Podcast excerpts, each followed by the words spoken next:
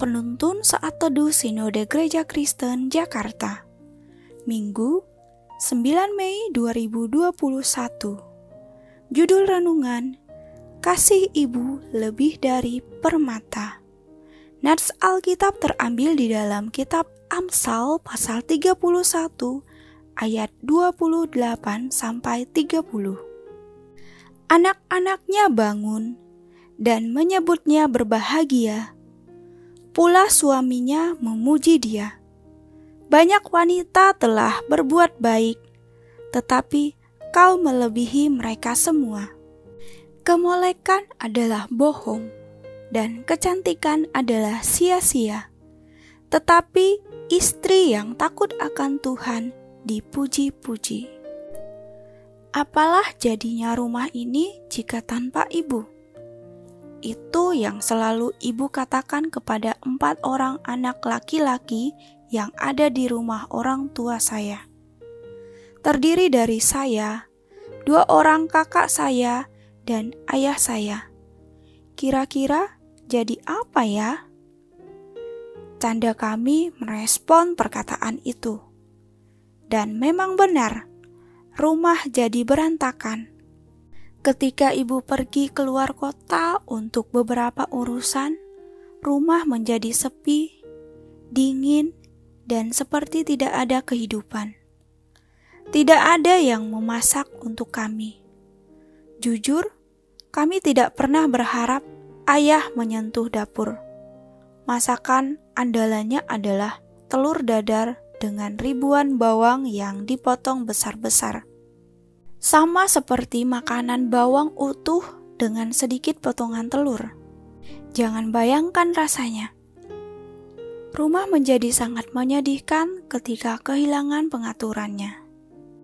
Tanpa bisa disangka, tiada orang yang bisa mengasihi kita lebih tulus dari kasih seorang ibu. Berbagi rasa selama sembilan bulan dan tertawa bahagia mendapat tendangan kecil di perutnya. Ia jugalah orang yang berjuang di antara hidup dan matinya ketika bersalin di rumah sakit. Setidaknya itulah yang dirasakan seorang ibu ketika melahirkan anaknya. Ketika anak belajar berjalan, belajar berbicara, ibu selalu sabar melatihnya. Dari pengalaman saya, saya menyaksikan jerih payah ibu saya untuk memasukkan saya ke sekolah impian saya.